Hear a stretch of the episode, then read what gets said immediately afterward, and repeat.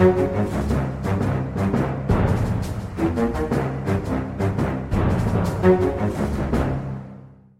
ønsker vi velkommen til, eh, til en liten eh, Aftenpodden-sending. Eh, Fordi selv om det er ferie, og for flere av oss, så, så må vi jo nesten dukke opp innimellom. Så det gjør vi fra, direkte fra diverse hytter. Så jeg, da, som er Lars Komner, er i, på Lamøya utafor Larvik. Eh, Trine Eilertsen, hvor er du? Jeg er i Akersgaten 55, med andre ord på post. Det er så godt at noen har, tar ansvaret og følger opp og er eh, ansvarlige mennesker, mens eh, resten av landet bare ligger og bader i sol eller sånn halvkaldt vann. Ja. Sara Sørheim, hvor henger du rundt da? Du, jeg er ikke så langt unna deg faktisk, Lars. Jeg er også i skjærgården utafor Sandefjord, i Vestfold. Og nå har jeg funnet et sted som er sånn Det er le, det er fortsatt likevel sol, eh, og jeg tror det er OK dekning. Og Det betyr at det er ganske deilig sommerfølelse her. Men eh, går jeg rundt hushjørnet, så er det arktiske vinder som står inn fra havet. Så det er norsk, norsk flott eh, hyttesommer. Men du, Jeg sånn, innbiller meg at det er en sånn ting som at det er, at det er veldig relativt. Fordi jeg er jo da bare en liten halvtime unna, og jeg har badet, og det er sol og varmt og i det hele tatt ganske fint. Og jeg tror, er, eh, jeg tror det er forskjellen på mange år med sånn aggregert søvnunderskudd som gjør at man blir veldig frossen sånn eh, etter noen småbarnsår. Mens du, Lars, du er mer sånn eh, eller bakfull og sommerglad. Og da tar akkurat, akkurat der, jeg, vet du. Bada og allting i dag, jeg.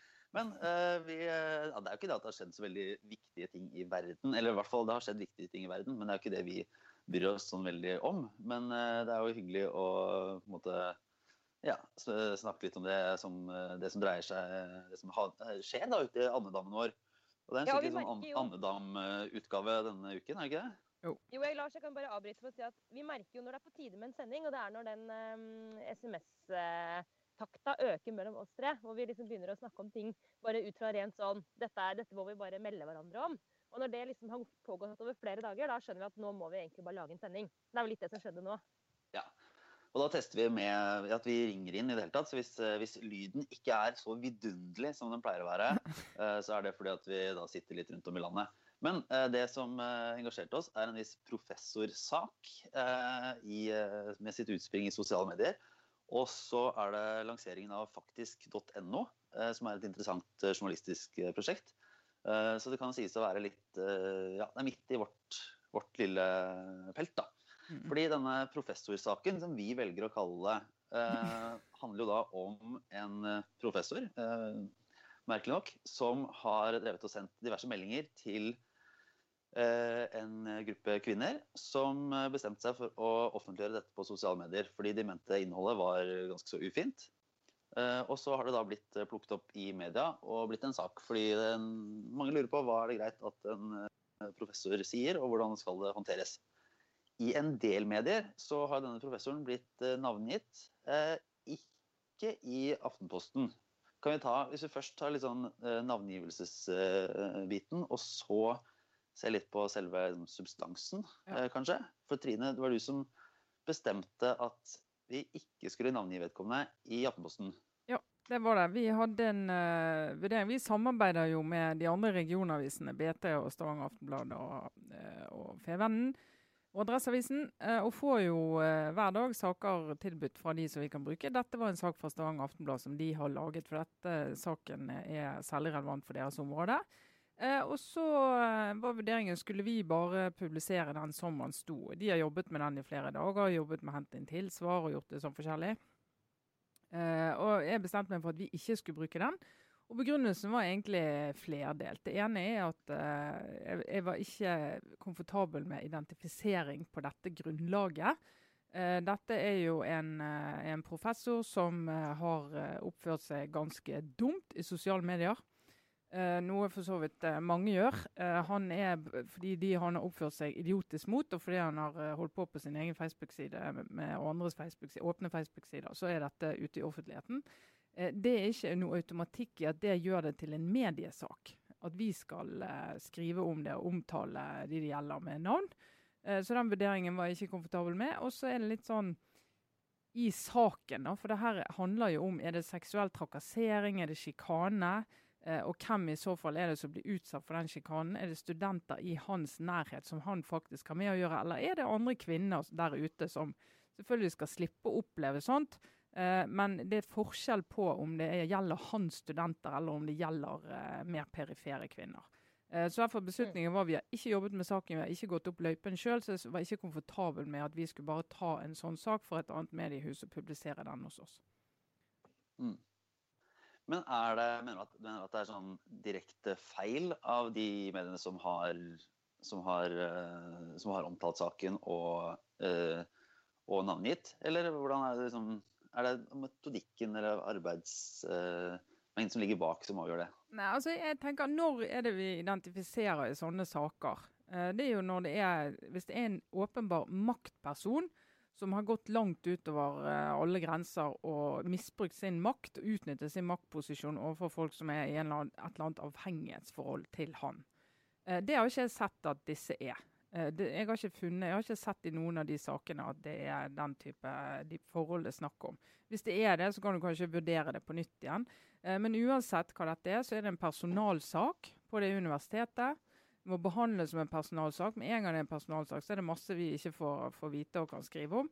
Eh, det gjør ikke at vi automatisk aldri skal skrive om det, men vi har veldig høy terskel på å dra denne type konflikter om du vil, ut i offentligheten med navn og nummer. Jeg ser heller ikke at det, har en, at det gjør saken bedre. altså at saken styrkes ved at vi har navnet hans.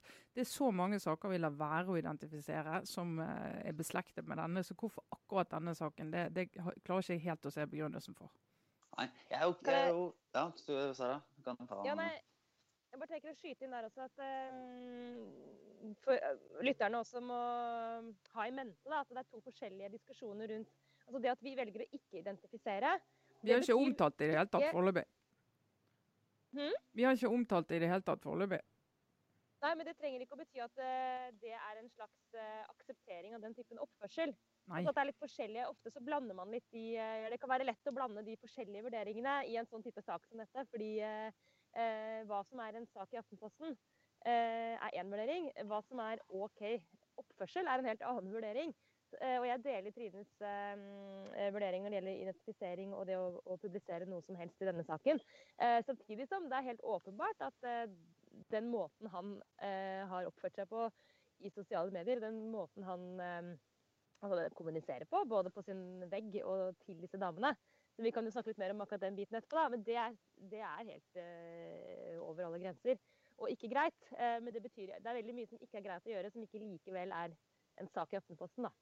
Nei, jeg, er jo mer eh, jeg, følger jo den linjen. Aftenposten er jo blant de mediene som er mest forsiktige med å navngi, og, det lever jeg greit med. Men jeg vil kanskje jeg er kanskje litt mer offensiv sånn på, på, min personlige vurdering av, av sånne nyhetssaker. Jeg syns det er et element her, særlig når det er en, en, en professor som har fått en, en, eh, en anerkjennelse av, av, det offentlige for, for, sitt, eh, ja, for sitt gode intellekt. da og en person som ofte uttaler seg i media, og som på en måte eh, til tider også er ganske heftig i debatten på, på, å snakke om hva som er våre verdier, og hva som er eh, Ja, har et sånn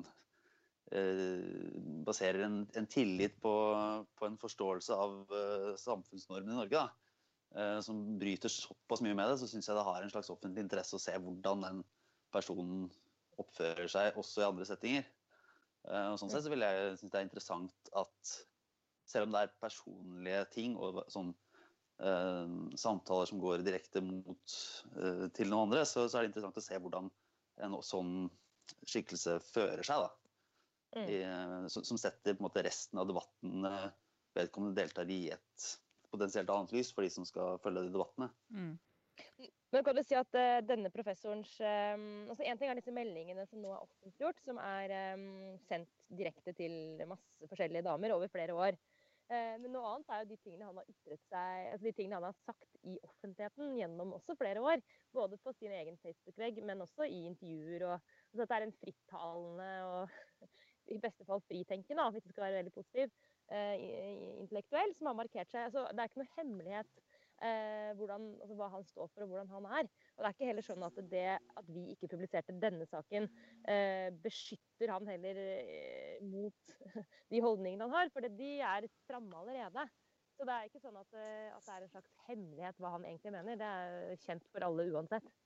Men det er jo, Nei, men det er jo en hemmelighet hvordan, hvordan noen offentlige måte, debattanter oppfører seg. Det kan jo ha en verdi i, i, for, for, de som ikke sitter i vår andeland. Ja, uh, og skal men, følge den offentlige debatten og, og se litt hvordan ja, jo, andre men, sider ja, ved, ved, vedkommende. Men, men Mitt det, poeng her er bare det at det er ikke sånn at mediene liksom er, at det at vi ikke skriver saken, gjør at det er helt uh, umulig for folk å finne ut av hvilke holdninger det, denne professoren har. Fordi det er jo uansett. Nei. Men Trine, ja. Nei, og nå, nå, så er det jo sikkert en del av de som hører på nå som tenker herlighet, kan de ikke bare bruke navnet hans da? Alle andre gjør det jo, og det er i sosiale medier overalt. Og det er jo sånn dilemma vi står overfor ofte når vi skal identifisere. Eh, at forskjellige redaksjoner til ulike valg. Og da er det eh, så, altså Det er ikke viktig argument for oss at andre har identifisert. Det kan være flere grunner til. Det ene kan være at ikke vi har jobbet så grundig med saken som de som identifiserer gjør. Det andre kan være at vi har prinsipielle grunner ikke identifiserer i fasen. Ofte er det jo kriminalsaker vi snakker om. Dette er jo ikke det. Eh, kriminalsaker vi snakker om, der vi mener at i denne fasen så er det for tidlig, og vi pleier å ha en tradisjon for å gå lenger. og sånn. Sånn at det, det, at andre gjør det, det er ikke noe sånn hovedgrunn til at vi skal gjøre det. Men, mm. men så når de mm, ja. Nei, bare For å bygge en bro inn i den, det som er eh, liksom, substansen, da, så synes jeg andre grunnen til at det er verdt å omtale, selv om det måte, ikke nødvendigvis er en, en verre sak uh, eller er en kriminalsak, er jo at det er jo et, uh, det er jo et eksempel på et betydelig samfunnsproblem. da. Uh, hvis en skal, skal, være litt, litt, stor på det, så er, så er, det, jo, det er jo absolutt ikke sjeldent at særlig menn med litt makt måte, utsetter, eh, utsetter, kvinner for den type oppmerksomhet. Mm. Uh, og, og, da er uh, Altså, det er et samfunnsproblem som bør belyses. Ja, men, men det, det, er helt enig. Men, men, det som er litt, det som er litt krevende med denne saken, det er jo, her er, det er jo litt hummer og kanari her. Altså en del av det dette handler om, er jo en, en, en mann i 50-årene som prøver å ragge damer og sjekke de opp på klønete, litt ja, trist vis. Uh, og som er liksom du kan tenke, Det er klart det er ikke stilig å gjøre det, og i hvert fall ikke i de kanalene der. Uh, men sånn skjer nå. og For Pottersi også vært ute en vinternatt før. Vi har jo møtt mange rare personligheter der ute, både med og uten makt, som har gjort rare ting. Uh, ansikt til ansikt på et utested eller på, på en eller annen sammenheng. Og, og, da har vi jo veldig høy terskel for å gå og fortelle om det og skrive om det i offentligheten. Som regel så bare børster vi det av oss. Vi forteller det til alle vi kjenner, og de får et dårlig rykte. Eh, men fra det til å gjøre det til en offentlig stor mediesak, er det et ganske langt steg. Men fordi at det blir offentliggjort i sosiale medier, så er det plutselig automatisk en mediesak. Og det syns jeg det, det er ikke komfortabel med automatikken i det. Mm. Men, men jeg syns at uh, det går en grense her mellom hva vi uh, skal viderebringe, uh, i hvert fall når vi ikke har jobba med saken, og hva enkeltpersoner sjøl kan gjøre for å liksom, ta igjen når de opplever uh, bullying da, eller dårlig oppførsel, eller seksuell trakassering, som, som, dette her er eksempel på, mener jeg. Mm. Og um, jeg ser at veldig mye av debatten nå, etter at uh, en del damer gikk sammen og offentliggjorde diverse meldinger fra professoren, en del av den debatten nå handler om ja, de har skapt en gapestokk på sosiale medier, og at denne, denne mannen blir uthengt. Men det kjenner jeg at det provoserer meg litt også. For jeg tenker at ærlig talt Ehm, det er dustete oppførsel, det er eh, trakasserende oppførsel. Eh, det er klønete. Det er ikke nødvendigvis ondsinna i det hele tatt. Men det er ikke, syns jeg, greit. Og da eh, må man også kunne svare tilbake med, de midlene man har. Og jeg syns det er helt kult ja, å vise frem eh, mønsteret i denne måten denne professoren forholder seg til unge kvinner på. Eh, nettopp litt basert på det du sa, Lars, at det er en, eh, en person med, en, med, makt fordi han er en stemme i den norske offentlige debatten. Og det er helt kult at de damene eh, tar igjen. Eh, selv om jeg syns det er riktig at Aftenposten ikke omtaler og løfter opp til en, en sak som, uh, som, skal publiseres i vår avis, så er det forskjell på hva jeg syns vi skal publisere, og hva jeg syns er helt greit at folk gjør på eget initiativ. Jeg vet ikke om du deler den analysen, Trine, men jeg syns det er en forskjell der. Jo, men det er jo klart det er en forskjell. Tenker, altså, vi husker vi diskuterte det uten sammenligning for øvrig etter Hemsedal-saken. hun, eh, Andrea Wold, eh, eh, det, altså Voldtektsofferet i Hemsedal-saken la ut eh, så mye informasjon at egentlig de var identifisert, de, eh, de eh, som ble tiltalt for den voldtekten. Eh, og da eh, var jo diskusjonen var det feil av henne å gjøre det. Og så går det selvfølgelig an å si at ja, det skulle ikke hun ha gjort, men det er jo veldig lett å ha forståelse for at hun gjorde det. Hun føler seg helt maktesløs og tenker at dette er min kanal, og dette vil jeg, dette vil jeg ha frem. Og for disse kvinnene dette gjelder, sier nå må, nå må det være nok. Og min måte å sette han i forlegenhet på etter at han har har satt meg i forlegenhet og skapt ubehag for meg, det er å gjøre dette. Og det mener jeg, det, det kan ikke komme noe forbud mot det, det må folk få lov å gjøre. Men som du er inne på, Sara, fra det til å liksom si at det er mediesagt, og det er helt andre vurderinger som ligger bak. Og når vi skal ta, ta det opp som et samfunnsproblem, så må vi, mener jeg at vi må snevre det litt inn til, hvert fall i denne sammenhengen, og undersøke om er det faktisk hans egne studenter dette går utover, eller er det andre. fordi at Altså, det, er klart, det er ubehagelig å få sånne meldinger og den type henvendelser på Facebook eh, når du sitter der hjemme og prøver å finne ut et eller annet på, på internettet. Uh, som du må reagere på. Men det går jo også an å bare gi blaffen, blokke han som venn og bare reagere på den måten. sant? Ja, jeg, kan, jeg jo, mener jo at dette definitivt ville, burde være en uh, sak for Aftenposten, men kanskje da anonymisert, hvis det er den linja vi legger oss på. Men vi kan jo i den lille andedam-uka uh, vår, da, Eh, så kan vi kanskje gå videre til eh, det ja, som men Lars, må, Ja? Lars, jeg må bare, kan, jeg si, kan jeg komme med bare én sånn Jeg må si én ting til. Ja, ja, OK. Og jeg bare, jeg bare er så lei av altså, hvite menn som Unnskyld at jeg bruker nå, det er egentlig samme at jeg er hvite menn. Men middelaldrende menn som skal komme hverandre til unnsetning uh, når en i flokken blir angrepet, sånn som har skjedd nå. Så, dere, våre, våre faste lyttere vil kanskje forstå at jeg nå sikter til Kjetil Rollnes. Gjør, ja, han gjør en slags Ja, jeg etterlyste ja. at det skulle skje litt på Facebook-veggen hans uh, for ja, nå, ikke så mange sendinger siden, og nå har han levert. Ja, nå skal jeg ikke gå altfor i detalj her, for en gode Strålnes han er ikke her sammen med oss. Men jeg bruker han som et eksempel. Han er ikke alene om det, men som reagerer på denne saken gjennom å slutte på en måte ringen rundt professoren. Og eh, gjøre til en stor sånn prinsippsak, og gjerne liksom at det handler om manglende ytringsfrihet og bla, bla, bla. Eh, når de møter sånne aksjoner som, som det som har skjedd nå. da. Uh, og det synes Jeg er så jeg, bare, jeg blir så provosert av det. jeg tenker, Oppfør deg som en dritt, få dritt tilbake. Sånn funker det. Face it. Fader, altså, vær litt menn. Ikke lag det til en sånn prinsippsak og snakke om ytringsfrihet og fandens oldemor. Nei.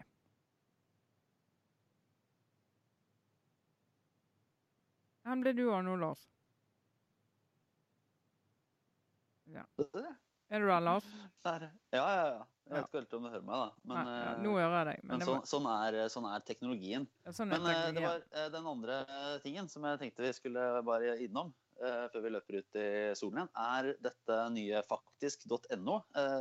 Et faktasjekksamarbeid mellom Dagbladet, VG, NRK, også TV 2 og NTB, mulig andre også har kommet seg på, som lanserte hva skal jeg si, tjenesten sin eh, denne, denne uken. Eh, begynte å faktasjekke påstander fra landsmøtetallene til partilederne og, og litt annet. Og noen mediesaker også. Eh, allerede omstridt. kan si først, Trine, du som sitter oppe i toppen hos oss i Aftenposten. Mm. Vi er jo ikke med på det her. Hvordan, bare helt kjapt, hvorfor er vi ikke det?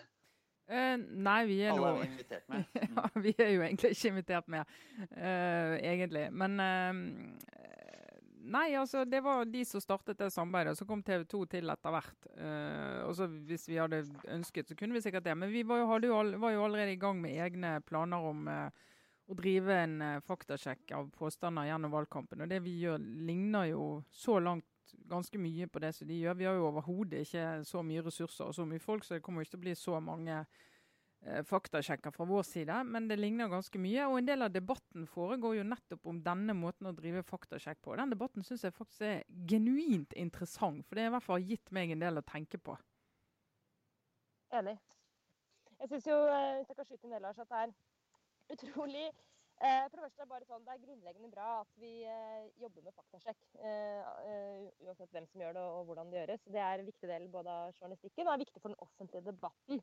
Men så kommer jo det vanskelige spørsmålet, og det er jo da på en måte hva er et faktum? og det, det, viser jo allerede nå etter ett døgn med faktisk at det er det slett ikke så lett å bli enige om.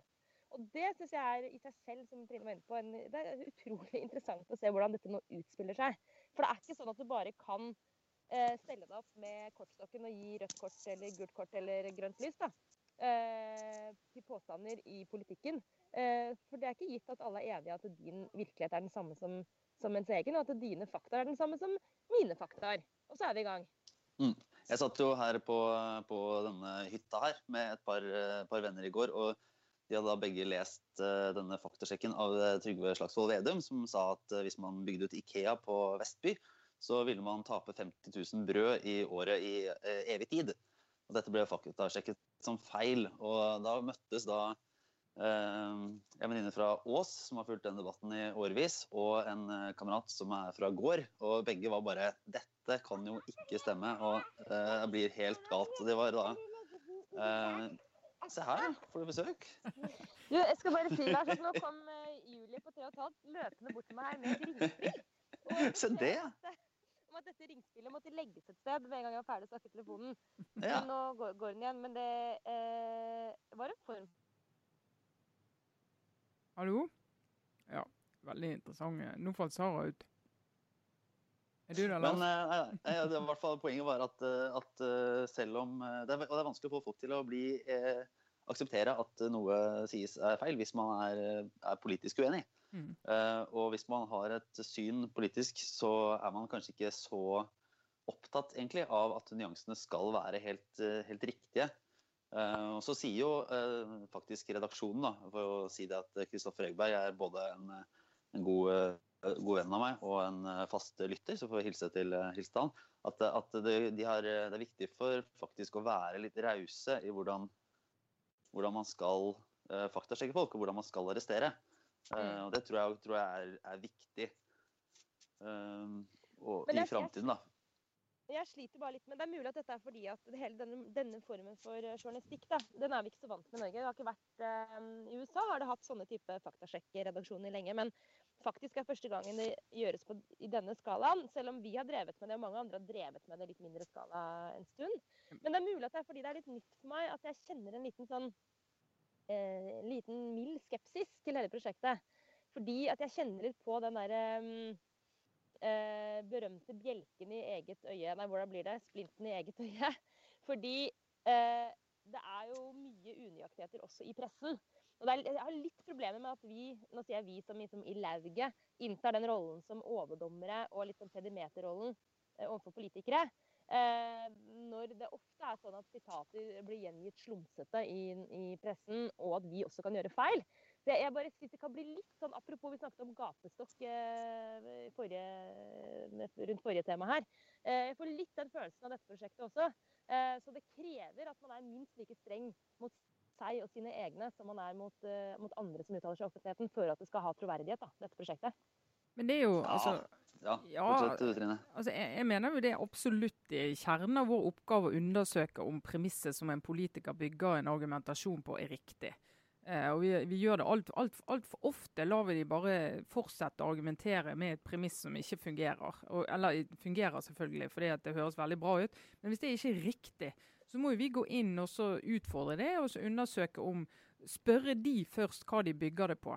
For det er, der, det er, jo der, vi begynner. Hva bygger du dette premisset på? Og Hvis de da viser at det er en eller annen undersøkelse eller en eller annen statistikk, og ikke har brukt statistikken riktig eller har valgt veldig selektivt fra den statistikken, så er det jo riktig å vise det frem. Eh, men så tror jeg jo noe av det som blir For jeg merker vi hadde en, eh, en faktasjekk nå nylig der vi eh, undersøkte en, altså gikk inn i en konflikt mellom MDG og Høyre. Jeg var dommer i den saken eh, og sa det at eh, jo, Høyre har rett i at eh, rene oljerelaterte jobber bidrar med høyere verdiskapning enn andre jobber.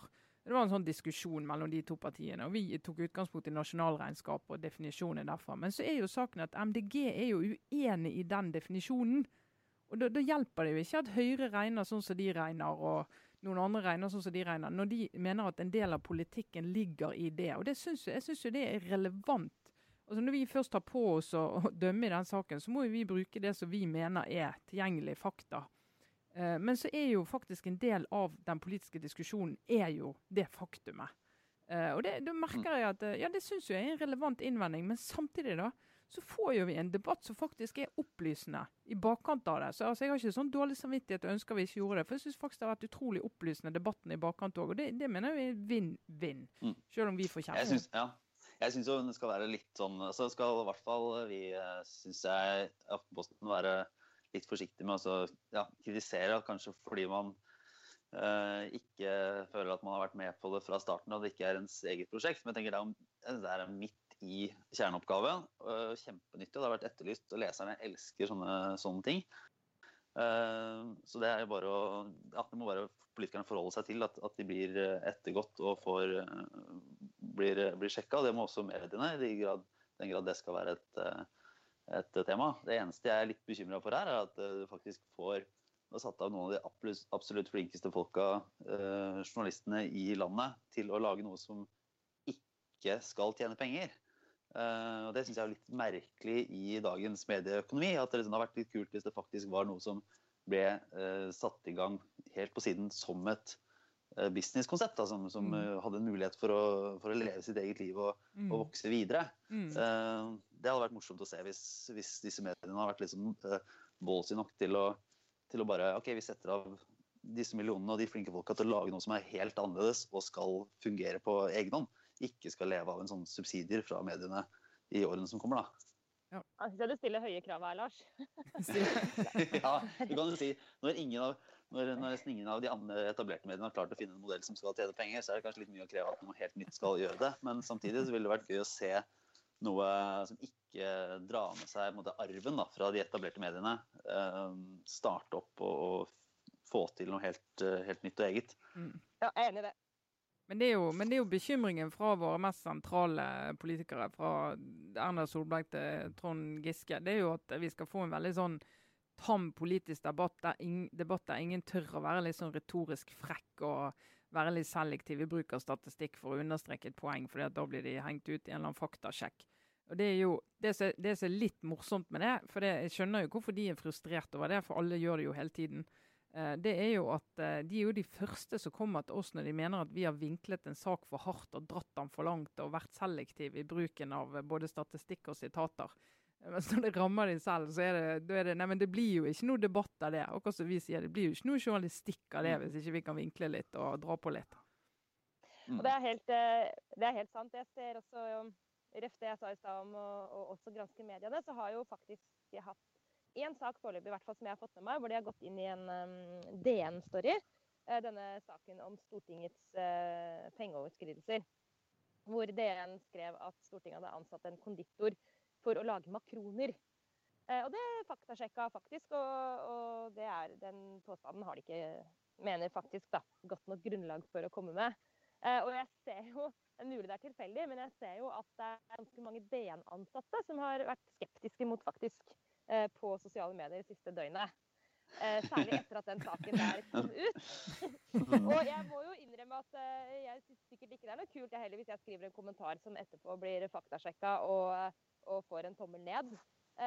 men vi må være litt sånn bevisste. Nå skal jeg ikke si at det er nødvendigvis er derfor de eh, DN-ansatte har virket litt skeptiske. Altså. Det kan være andre grunner òg, at de ikke er med f.eks. Men jeg bare, jeg bare merker at det er ingen som liker dette. Og poenget er vel å være like streng mot alle, så at alle misliker det like sterkt. Da, da, har man kanskje gjort det meste riktig. Mm.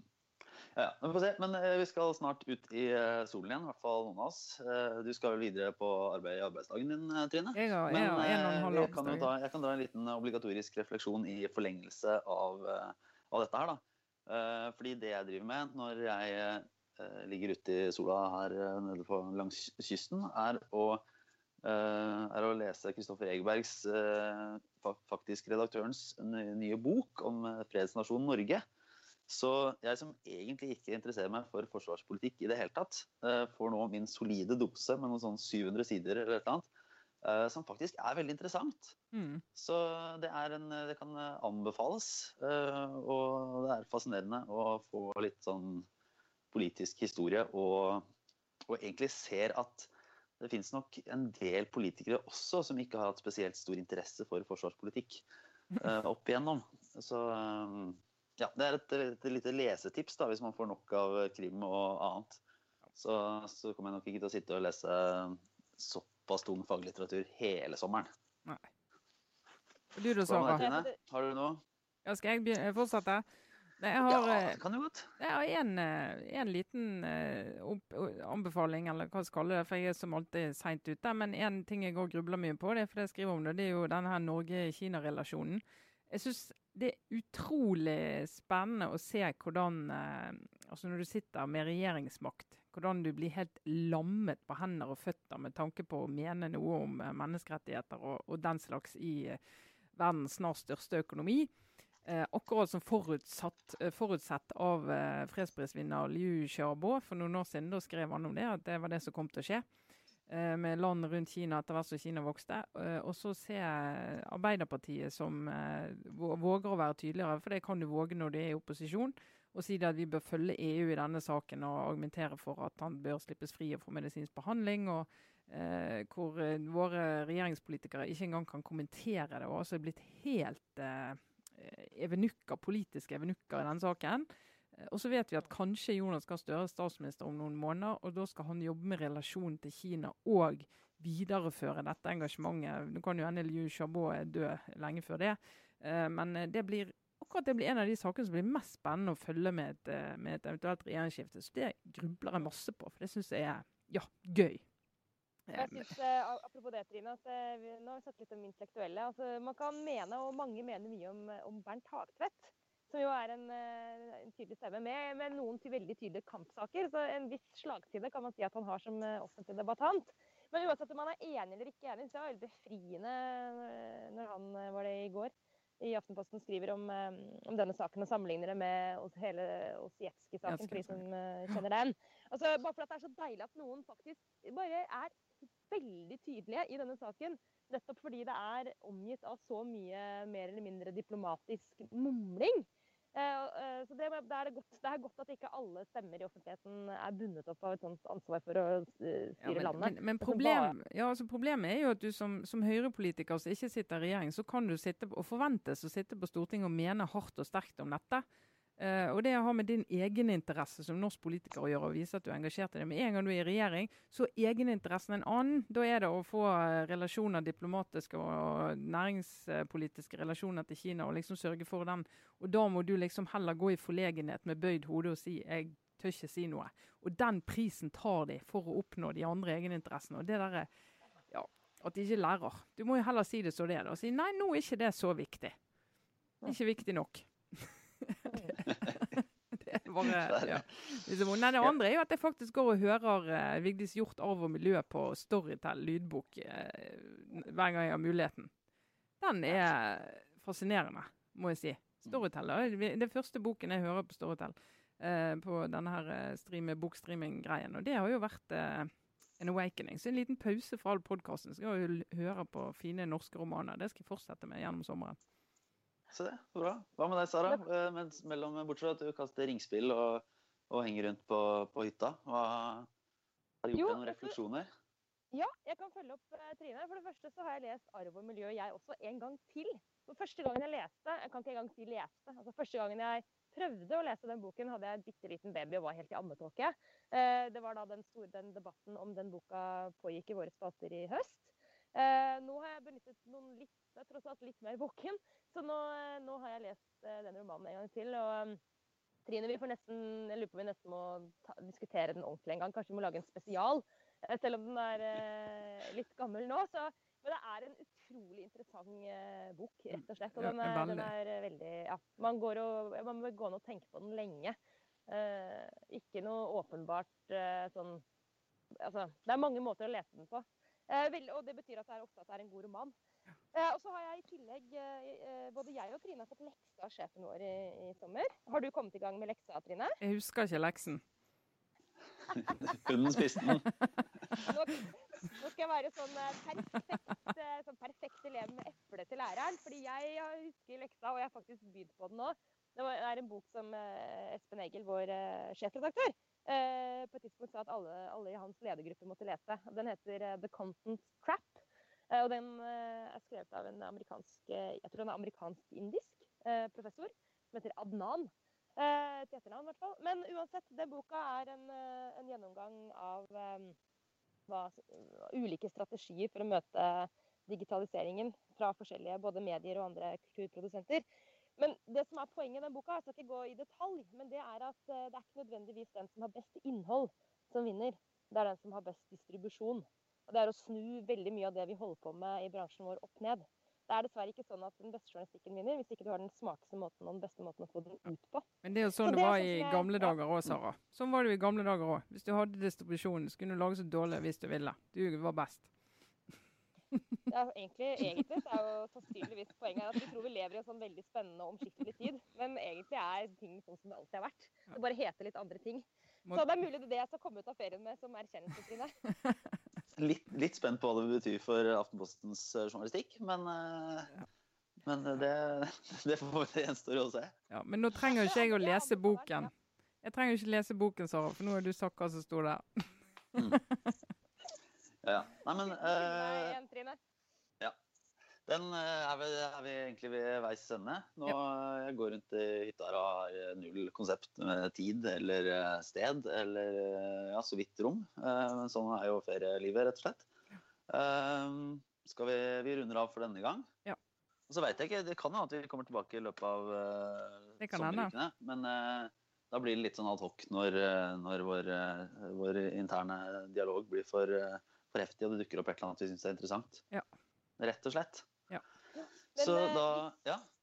Hvis ikke, så skal vi jo bare minne om at eh, dere får slappe av mens dere kan. Eh, fordi eh, det er ikke mange uker til det braker løs med valgkamp, og det blir gøy. Og da er vi i hvert fall tilbake for alle mugger. Så Ja. mellomtiden får også dere kjære lyttere spise kronis og ligge i den sola som fins og tenke på andre ting enn politikk. Fordi det er ikke mange uker igjen. Tre-fire uker. Da, ja. Ja, men Kjempefint. Eh, Da takker vi for oss, eh, rett og slett. Eh, Trine Eilertsen, sånn som du var i Akersgata. Ja. Og så Sara Sørheim satt rundt på andre sida av Sandefjord. Og jeg, Lars Glomnes fra Lamøya utafor Larvik, eh, ønsker alle god ferie, rett og slett. Ha det bra! Ha Ha det det. bra.